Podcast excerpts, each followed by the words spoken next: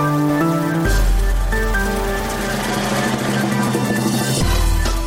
Dobro jutro, 8 je sati, slušate jutarnju emisiju Radio Slobodna Evropa i bosansko-hercegovačkih radiostanica Radio 27. Već je 12. dan mjeseca juna, a vrijeme je i dalje nestabilno, pa će tako, prema najavu meteorologa, biti umjereno do pretežno oblačno uz poslijepodnevne lokalne pljuskove u centralnim, istočnim i sjeveroistočnim područjima Bosne, te na istoku, jugoistoku i sjeveru Hercegovine. Ali barem su temperature tu negdje u skladu sa datumom, pa će jutarnje biti između 10 i 19, a dnevne od 23 do 30 stepeni. Ja sam Lejlo Mergić-Čatić, s vama sam do 9. Ovo je zajedničko jutro Radija Slobodna Evropa i bosansko-hercegovačkih radio stanica. Radio Gradski FM. Radio Bihoć. Radio Brčko. Radio Televizija Zazin. Radio Taš. Radio. Prijedor. Radio Bogošća. Radio Gračanica. Radio Velika Kladuša. Radio Studio N. Magic Radio Milićev. Radio Mostar. Radio Konjic. Radio X. Omladinski radio. Radio Slon. Josit radio. Radio Tešanj. Radio Bosanska Krupa. Radio Višegrad. Radio ZOS. Radio Žepče. Šik radio Mrkonjić grad. Kontakt Radio Banja Luka. Radio Jablanica. Radio 1503 Zavidovići. A u subotnjoj jutarnjoj emisiji kao i obično podsjećamo na neke priče koje smo zabilježili u sedmici iza nas, pa ćemo se tako osvrnuti na proteste zdravstvenih i turističkih radnika koji su održani u Sarajevu. Govorit ćemo i o prekograničnom programu Bosna i Hercegovina Crna Gora, zanimljivi muzeji, koji podrazumiva saradnju muzeja i turističkih radnika. A o tome je priča iz Jablanice. Pa ćemo onda i do Crne Gore da čujemo kako tamo izgleda povratak u normalan život nakon popuštanja epidemioloških mjera. Pored toga podsjetit ćemo i na neke značajne događaje koji su zabilježili naši dopisnici iz Cazina, Olova i Višegrada iz oblasti kulture, sporta i ekologije. I eto to su teme o kojima ćete više saznati ukoliko ostanete uz nas do 9. Slike svakodnevnice šta muči ili inspiriše mlade kako prošle političke odluke utiču na našu budućnost. Ove i druge teme slušajte u podcastima Radija Slobodna Evropa. Sve epizode pronađite na iTunesu, Spotify, Google podcastima, kao i na slobodnaevropa.org. Slušajte odmah ili preuzmite epizodu za kasnije. Tu smo svakog dana. Podcasti Radija Slobodna Evropa. I još jednom dobro jutro i ugodno buđenje u 12. junskom danu. Uživajte prvi dan vikenda, a taj dan neka počne uz jedan lijepi stari pjesmuljak. Biće to Jazu i pjesma Only You. Like a story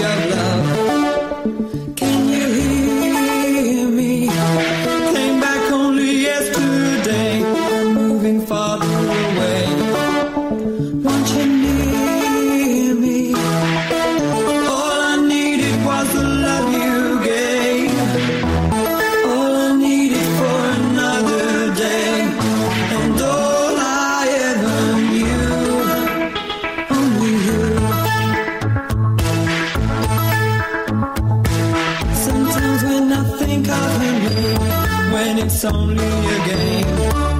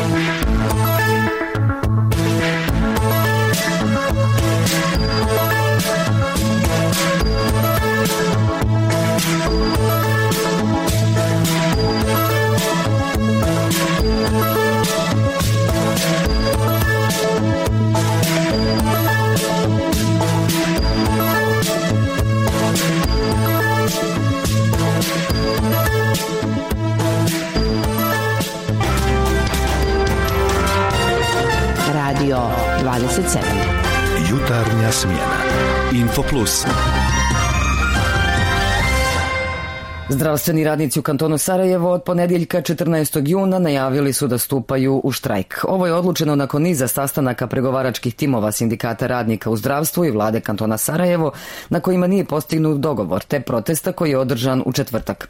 Kako je najavljeno primaće se samo hitni slučajevi, a neće biti ni vakcinacija. Uglavnom, na njihove poruke sa protesta koji je održan u četvrtak osvrnut ćemo se u prilogu Dragane Erjevec kada su se okupili da iskažu svoje nezadovoljstvo zbog nepotpisivanja novog granskog kolektivnog ugovora o pravima i obavezama poslodavaca i radnika u oblasti zdravstva. Predsjednik sindikata radnika u zdravstvu kantona Sarajevo Edo Selimić kazao je da su uposleni u zdravstvu odustali od svih dodatnih zahtjeva koji su na početku pregovora bili postavljeni, te da jedino traže potpisivanje granskog kolektivnog ugovora kojeg nemaju od februara 2019. godine.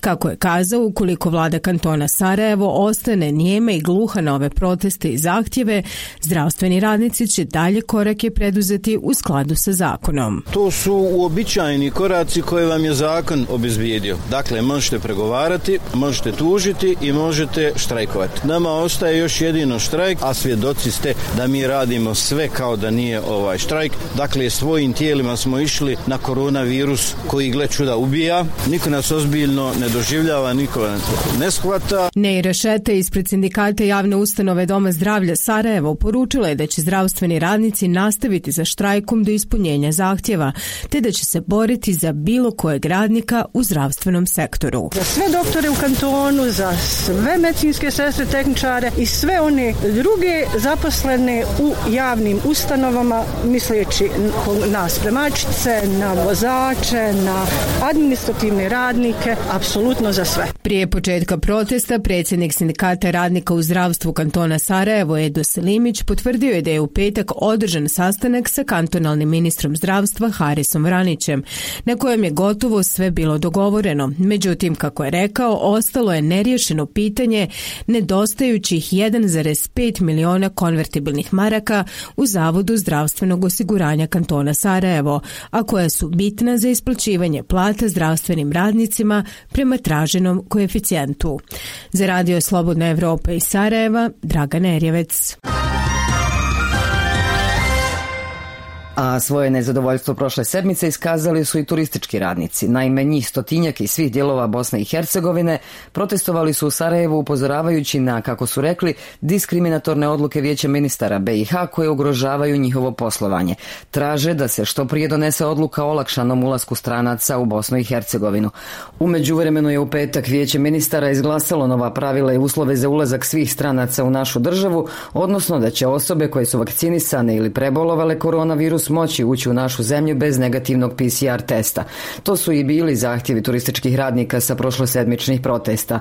Predsjednik udruženja turističkih vodiča Vučko Mirza Omerhođić. Razlozi našeg današnjeg okupljanja jesu e, nedonošenje odluke o ukidanju e, bezviznog režima za turiste koji dolaze iz Saudijske Arabije, Velike Britanije i Irske, također i nedonošenje odluke jeli, o olakšanom ulasku stranaca u Bosnu i Hercegovini koji su vakcinisani, koji su preboljeli COVID u posljednjih 16 mjeseci, 6 mjeseci, također za strance da se olakša jeli, ulazak na način da se dozvoli antigenski test ovaj prilikom ulaska u Bosnu i Hercegovinu. Dok se cijeli region jel, dozvoljava e, strancima da koji su vakcinisani, te također strancima koji su preboljeli COVID, mi i dalje dati imamo taj PCR koji je li košta i e, zašto bi neko ko je vakcinisan radio PCR test? Ta osoba se nije bez veze jeli, vakcinisala. Svim silama jeli, trudimo se da, da uputimo jeli, upozorenje vijeću ministara. E, znaju u šta se upuštaju, dakle, posljedice će biti katastrofalne po cijeli ekonomski sektor, ne samo dakle turizam, nego sve grane koje su vezane. Idemo sada do Mostara gdje je u posljednje vrijeme primjetan veći broj turista, što je naravno obradovalo Mostarce koji mahom žive od turizma. Kako bi došlo do istinskog oživljavanja turizma i turistički radnici Mostara su tražili od nadležnih popuštanje mjera na granicama, koje su eto u petak popuštene. Čujemo priču se Nade Malanović. Stara gradska jezgra Mostara polako, ali sigurno poprima nekadašnji, nadaleko prepoznatljivi izgled. Iz dana u dan evidentan je sve veći broj turista. Prednjače domaći i gosti iz regije. Mostar je predivan. Došli smo malo da osjetimo mostarsku istoriju.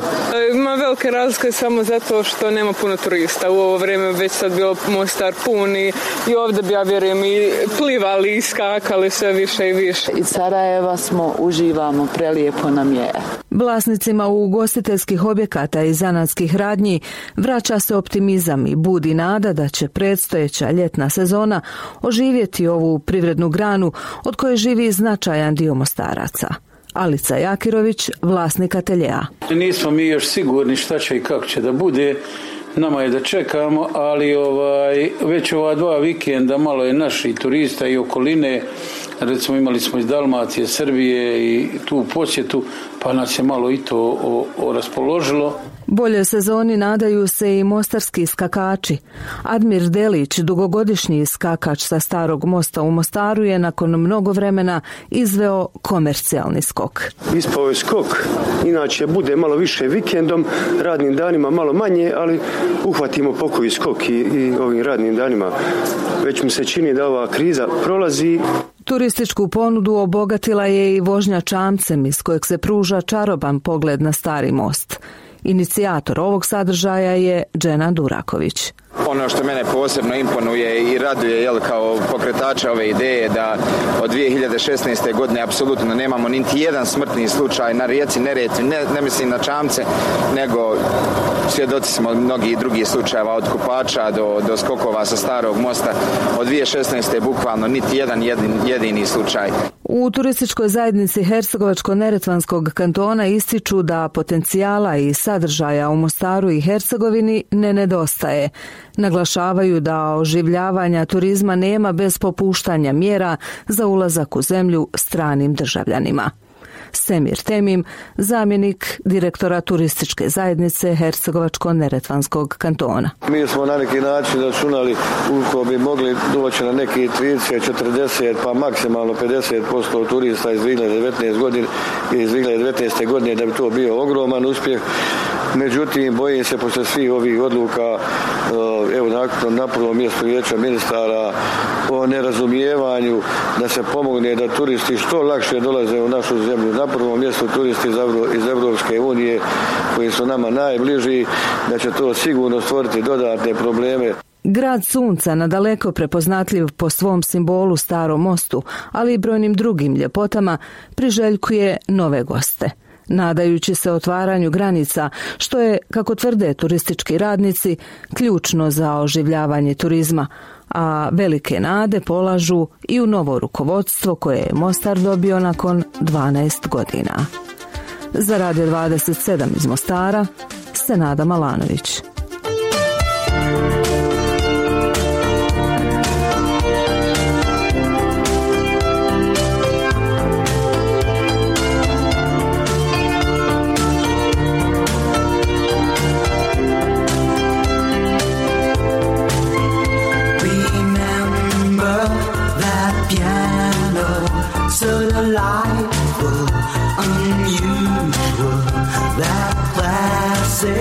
Sensation, sentimental confusion. Used to say, I like Chopin. Love me now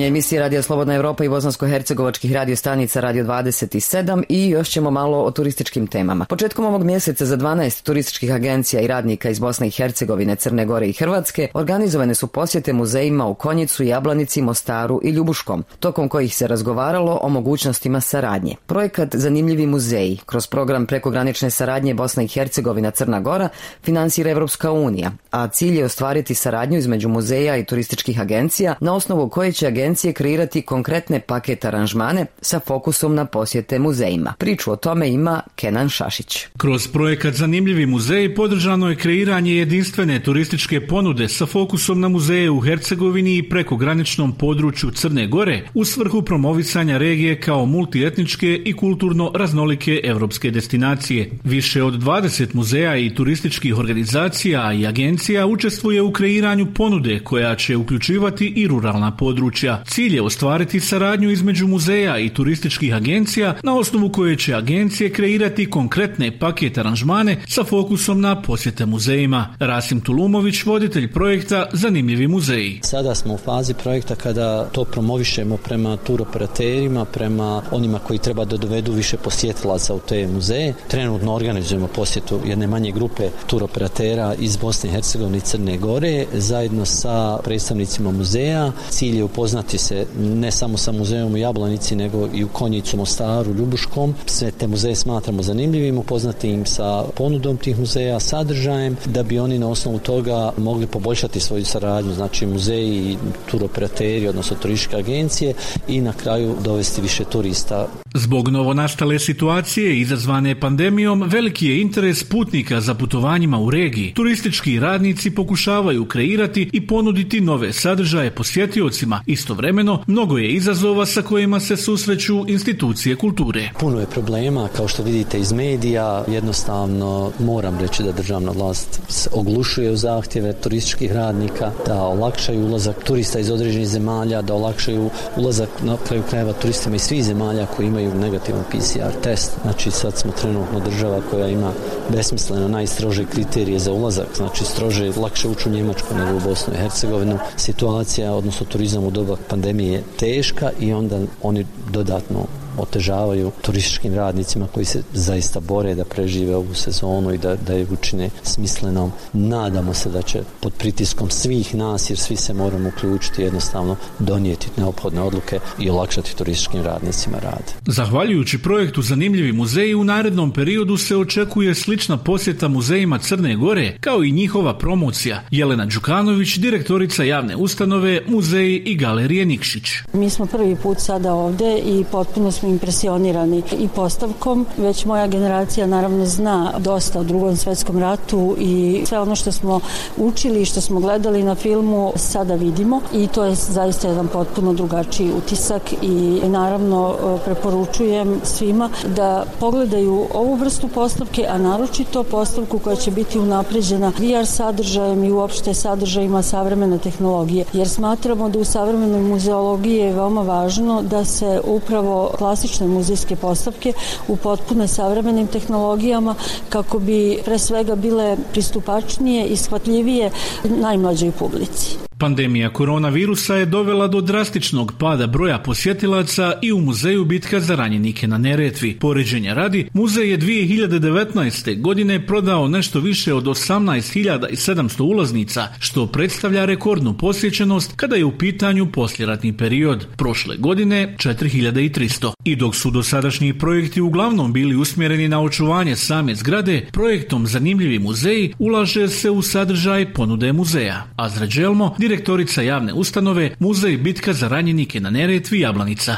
Cilj posjete jeste da se predstavi muzej, da se predstavi sve ono novo što smo uradili u muzeju u proteklom periodu kroz projekat Zanimljivi muzej i naravno da se uspostave neki zajednički programi saradnje. Pa prije svega mislimo na digitalizaciju, na naš projekat Bitka na Neretvi VR i uređenje tog virtualnog kutka u muzeju, na nove izložbe, izložba prema modernom društvu, izložba rat i umjetnost i evo čitav ovaj neki proces kako smo ga mi nazvali oživljavanja muzeja putem uvođenja modernih sadržaja. Projekat Zanimljivi muzeji kroz program prekogranične saradnje Bosna i Hercegovina i Crna Gora finansira Europska unija, a zajednički ga provode Udruženje Link iz Mostara u saradnji sa Nacionalnim muzejom Crne Gore i općinom Jablanica. Ukupna vrijednost projekta je blizu 400.000 eura, od čega Europska unija finansira oko 300.000 eura. Za Radio 27 iz Jablanice, Kenan Szaszyć.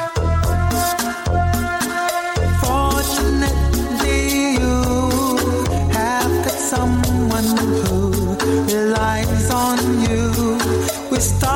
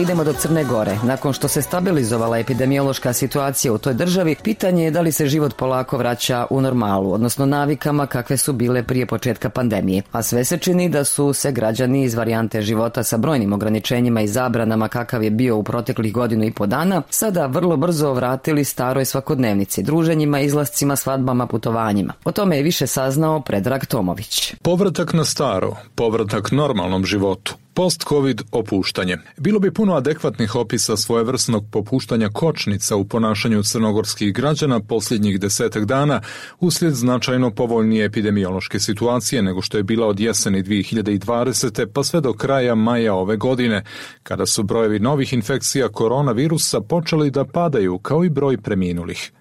Kako su nam kazali podgoričani sa kojima smo razgovarali, nakon duge godine svojevrsnog zatvora, vrijeme je za povratak normalnosti uz ipak određenu dozu opreza.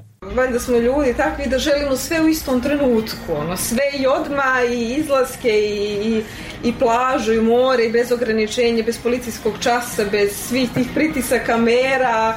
karantin nas je baš omeo u tome i napravio bukvalno neku paralelu između normalnog života i zatvora. Sad se vrćemo u nekoj normalnoj rutini, standardnoj sve. Nadam se da će da potraje. Pa ja svoje navike svakako ispunjavam već, već neko vrijeme, tipa ne znam, trening, odlazak na bazen, more što već ono kreće sezona, tako da što se tiče noćnih izlazaka, tu i tamo. Nisam neki fan bila ni pre korone, tako da mogu i sada ono, bez toga lagano, ali eto, i to nek bude ovaj, eto nek bude i to uključeno recimo kao neki izduvni ventil nakon, nakon sve ove situacije, što bi bilo eto okej. Povrtak normalnosti poklopio se sa početkom ljeta i nije iznenađenje da su se ljudi opustili i prepustili čarima tog godišnjeg doba, kaže za Radio Slobodna Evropa psihološkinja Radmila Đurišić-Stupar.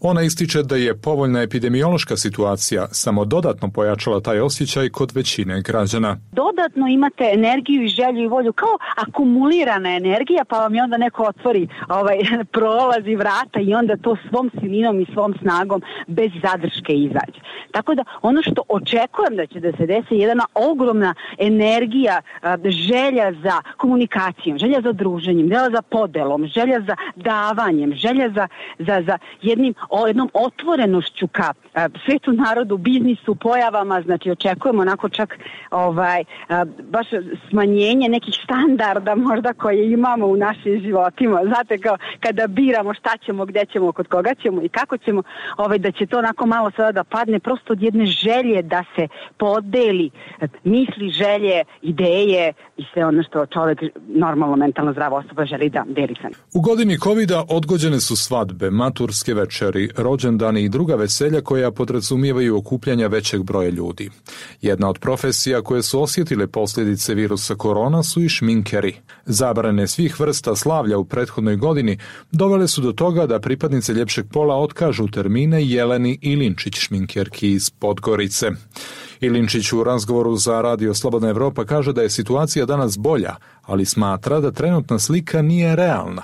Navodi naime da posla ima značajno više, ali da primjećuje, kako kaže, neku novu realnost u kojoj ljudi žure. Iskreno vam kažem, ono što mi osjećamo je da ljudi žure da naprave sad svadbe i da se vjenčaju jer se boje nekog talasa sad na jesen, pa je to sad e, sve malo u panici. E sad, da li je to poboljšanje? Ja ga baš i ne bih nazvala poboljšanjem. Ljudi su bukvalno u panici da neće biti sljedeći talas na jesen, pa su sve nabili sad na ljeto i u septembru, već u oktobru, sad, sad na primjer, zadnjih par dana mi otkazuju oktobar za septembar, jer mi pokušavaju, čak i četvrtak, koji nikad nije bio da, da budu svadbe, sad, sad u četvrtak, zato što su negdje čuli da postoji mogućnost da bude sljedeći talas u oktobru. I to onda nije normalna situacija i normalno vrijeme. Srđan Miljanić, direktor preduzeća pogrebne usluge za Radio Slobodna Evropa, kaže da se oni pridržavaju propisanih mjera, odnosno da se ne dozvoljava okupljanje u kapelama, ali da će u narednom periodu biti potrebno da se one dodatno preciziraju. Međutim, praksa po pitanju primjene običaja na sahranama nije ista u svim crnogorskim gradovima, dok se u umrlicama nerijetko naznačava kada i gdje će biti izjava saučešća porodici. Prema važećim epidemiološkim mjerama, sahrane se obavljaju uz zabranu primanja saučešća uz prisustvo najviše do 50 osoba i obavezno je nošenje zaštitnih maski. Iz Podgorice za Radio Slobodna Evropa, Predrag Tomović.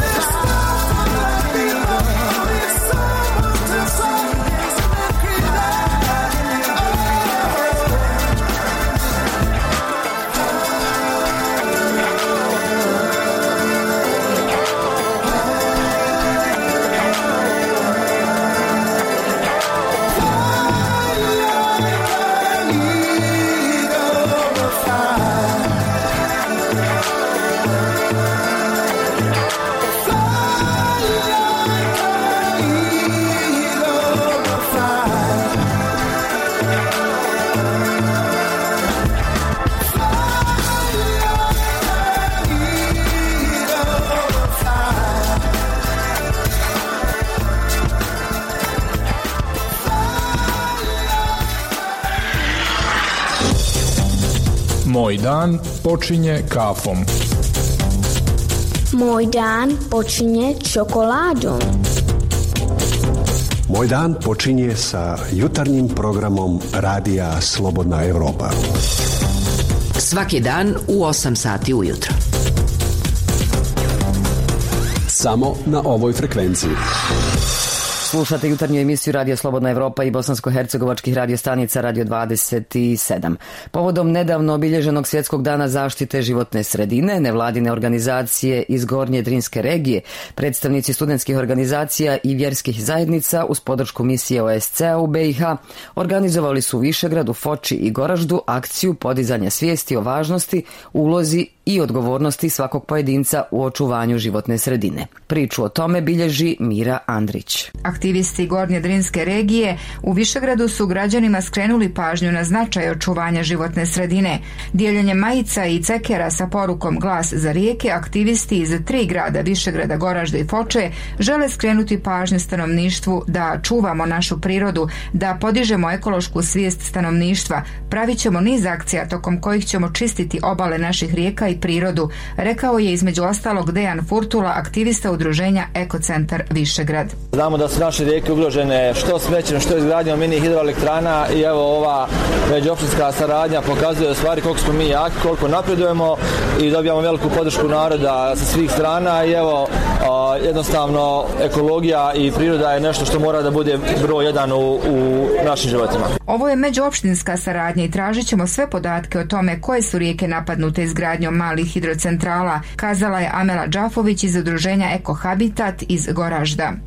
Jako smo sretni i zadovoljni što našu prirodu možemo da promoviramo zajedno i da zajedno insistiramo na njenom čuvanju. Mislim da smo u jednako rizičnoj kategoriji sve tri općine i mislim da je jedini način za borbu za našu prirodu da zajednički nastupimo. Ovo je sjajna ideja koja može da pokaže ljudima da plast treba 10.000 godina da se razgradi. Ujedno apeliramo na naše rijeke, odnosno na našu drinu, da je čuvamo da nam bude lijepa za sve. Vladimir Ćosović iz udruženja Bjelava iz Foče. Veoma je važno da sačuvamo rijeke u onom obliku kakve su bile i kako postoje na našim prostorima svih ovih vjekova. Obilježavanjem Svjetskog dana životne sredine ove godine se obilježava i početak decenije posvećene obnovi ekosistema.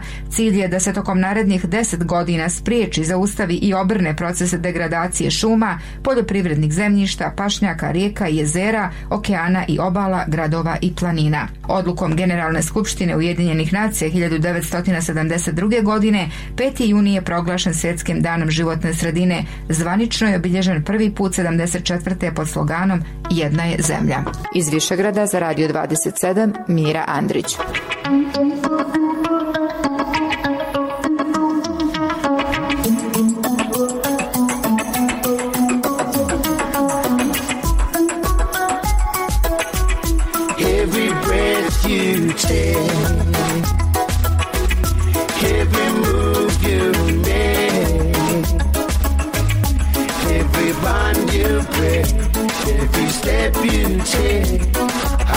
why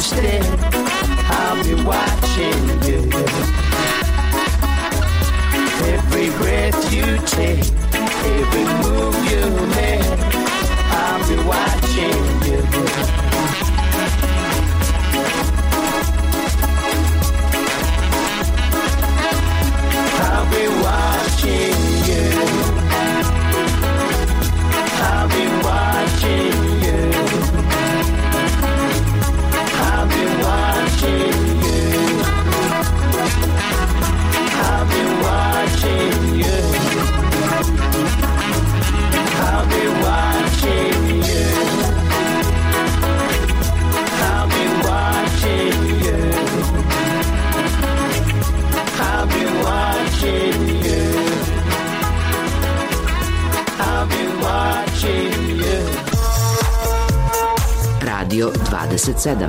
Probudite se s nama.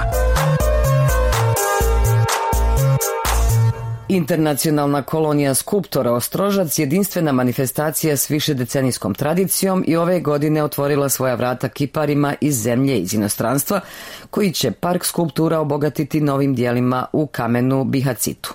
Zabilježila Azra Bajrić. Monumentalnu skulpturu u kamenu Bihacitu radi akademska kiparica Jelena Pavićević iz Crne Gore. Prvi joj je ovo rad u čuvenom ostrožačkom ateljeu pod vedrim nebom. Drago mi je što sam ovdje i što sam dio ove, ovog jugoslovenskog, da kažem, nasleđa i sama ću ostaviti neki pečat. Radim skulpturu fotosinteza misli, tako da je nekako povezana sa ovim ambijentom, sa generalnom situacijom u kojoj se čitava planeta nalazi, tako da čast mi je zadovoljstvo. U kamenu Bihacitu prvi put radi i akademski kipar Miha Pečar iz Slovenije. Čast mi je da sam došao radit skulpturu u Bosnu jer nisam nikada radio još u Bosni. Ambijent je magičan. To je stari grad koji daje atmosferu, a i historija skulpture daje neku drugu priču. Dve priče vrlo jake u jednom ambijentu.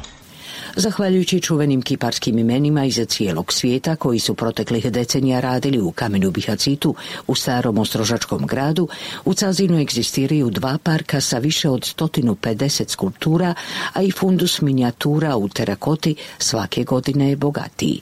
Ismet Kasumović, učesnik ovog programa. Ja sam sretan zbog toga što smo mi davno se opredijelili da ovu kulturnu manifestaciju dovedemo do tog nivoa da ona obezbijedi nama da u starom gradu Ostrožac dobijemo instituciju koja će biti budući muzej skulpture ili galerija pod vedrim nebom koja će pričati priču o Cazinu kao jednoj izuzetno kulturnoj sredini u kojoj su dolazili umjetnici iz čitavog svijeta i stvarali božanstvena dijela. Organizator kolonije skulptora je Cazinski kulturni centar, čiji direktor Ermin Beganović izražava zadovoljstvo što i pored teške financijske situacije i posljedica pandemije nije prekinuta višedecenijska tradicija. Mi ne smijemo da prekidamo tradiciju naše internacionalne kolonije skulptora. Ove godine već 54. put uh, idemo sa organizacijom ovog za nas jako, jako značajnog događaja. Organizaciju kolonije pomogli su gradska uprava i vlada Unsko-Sanskog kantona. Sadmir Škrgić, savjetnik gradonačelnika Cazina.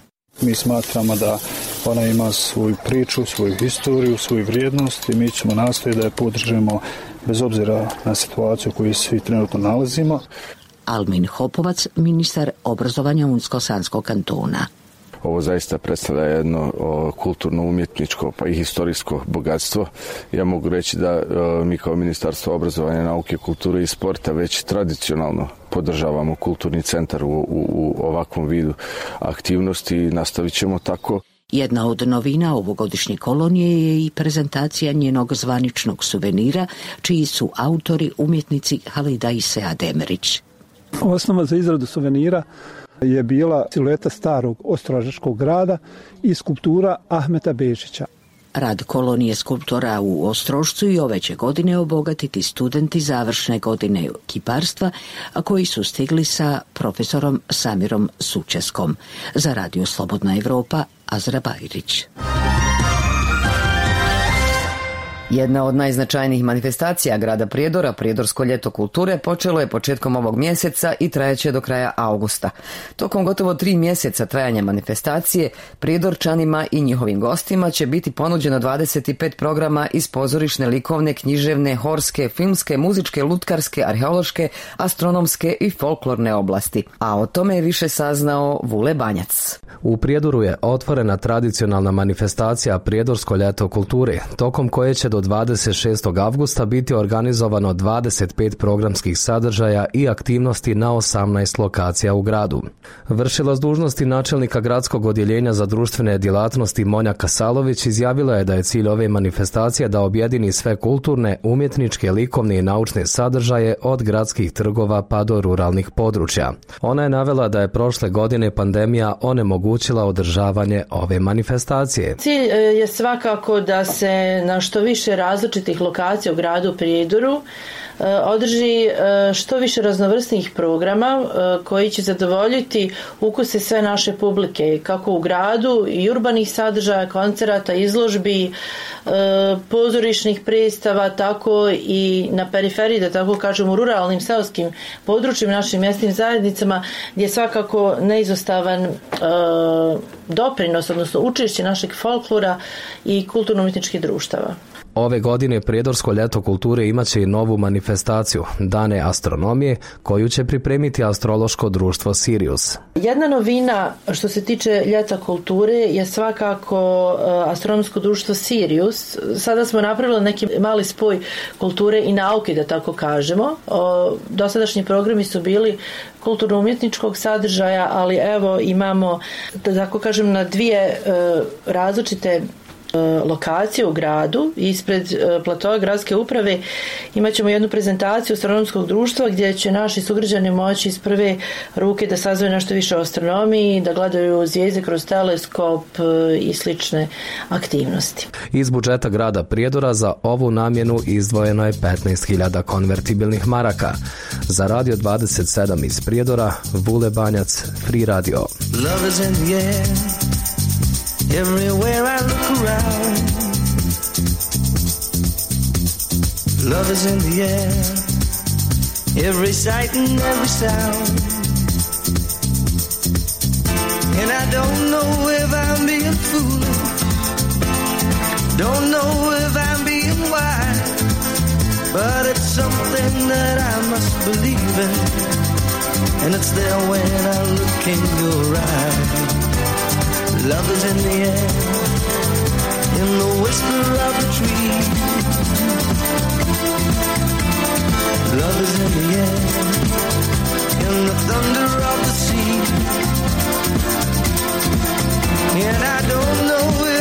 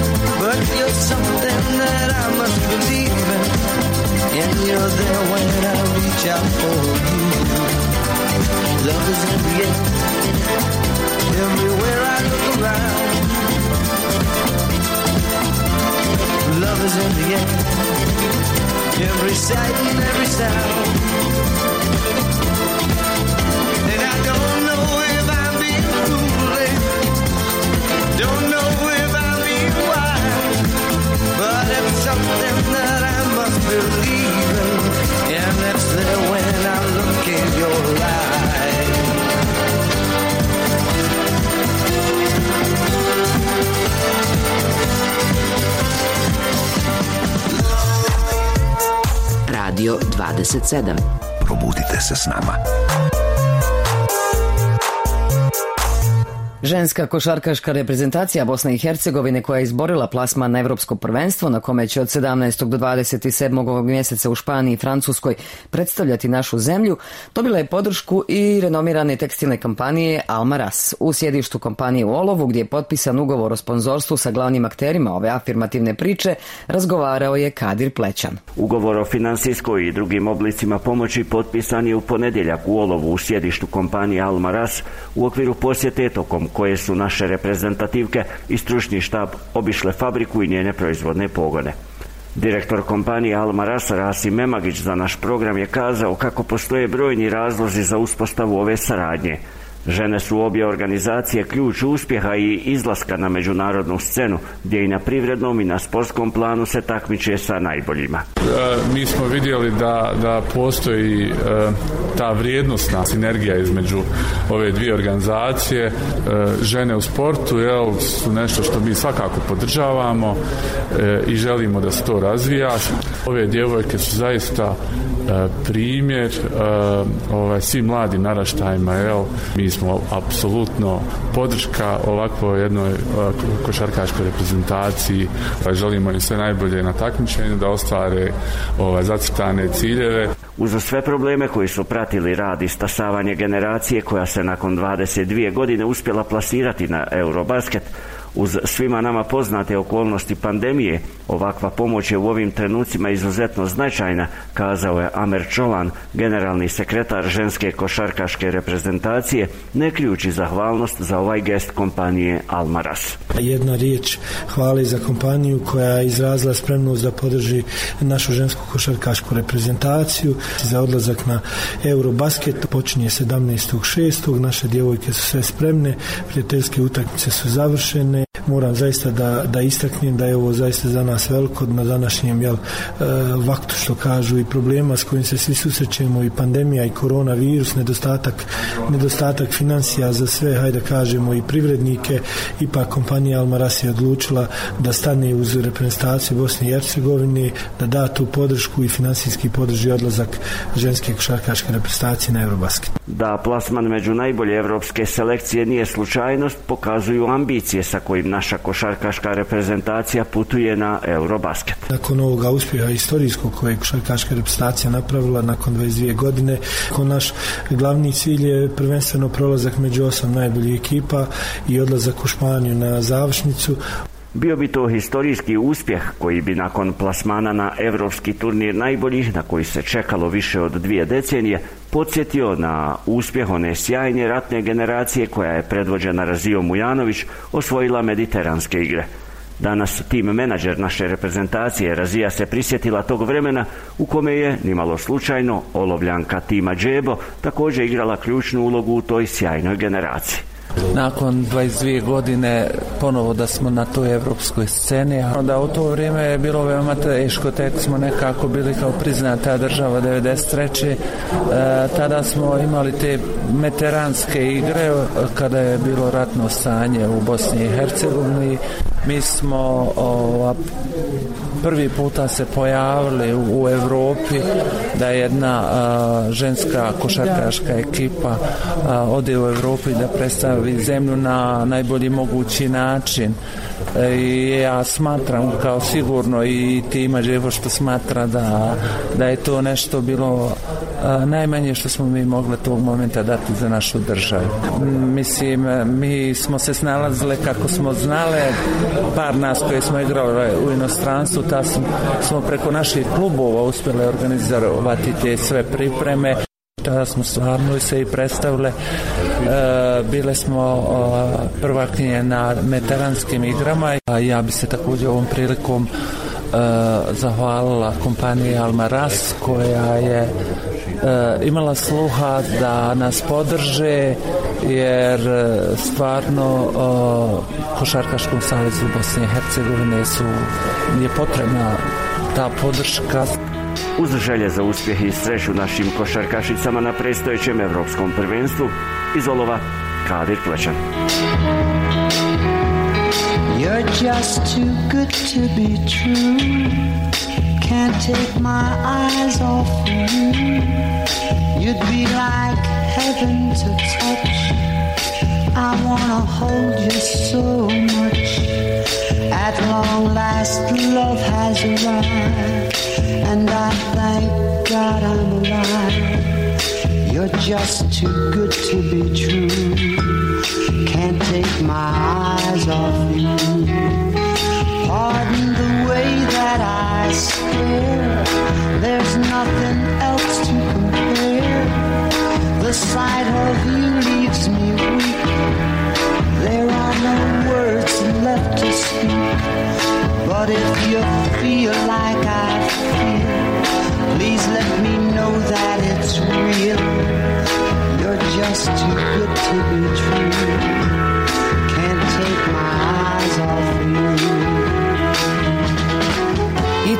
To za 12. junsko izdanje jutarnje emisije Radio Slobodna Evropa i BH Radio Stanica Radio 27. Ova emisija je, podsjećam, unapred snimljena, a inače možete, kao i sve naše sadržaje, pronaći na web stranici slobodnaevropa.org, dok ćete podcaste za vir ispod površine glasom mladih između redova, osim na web sajtu naći i na Facebooku i Twitteru, kao i na Spotify, Google podcastima i iTunesu. Ja sam Lila Omeregić-Ćatić, želim vam ugodan dan, do slušanja, bye bye.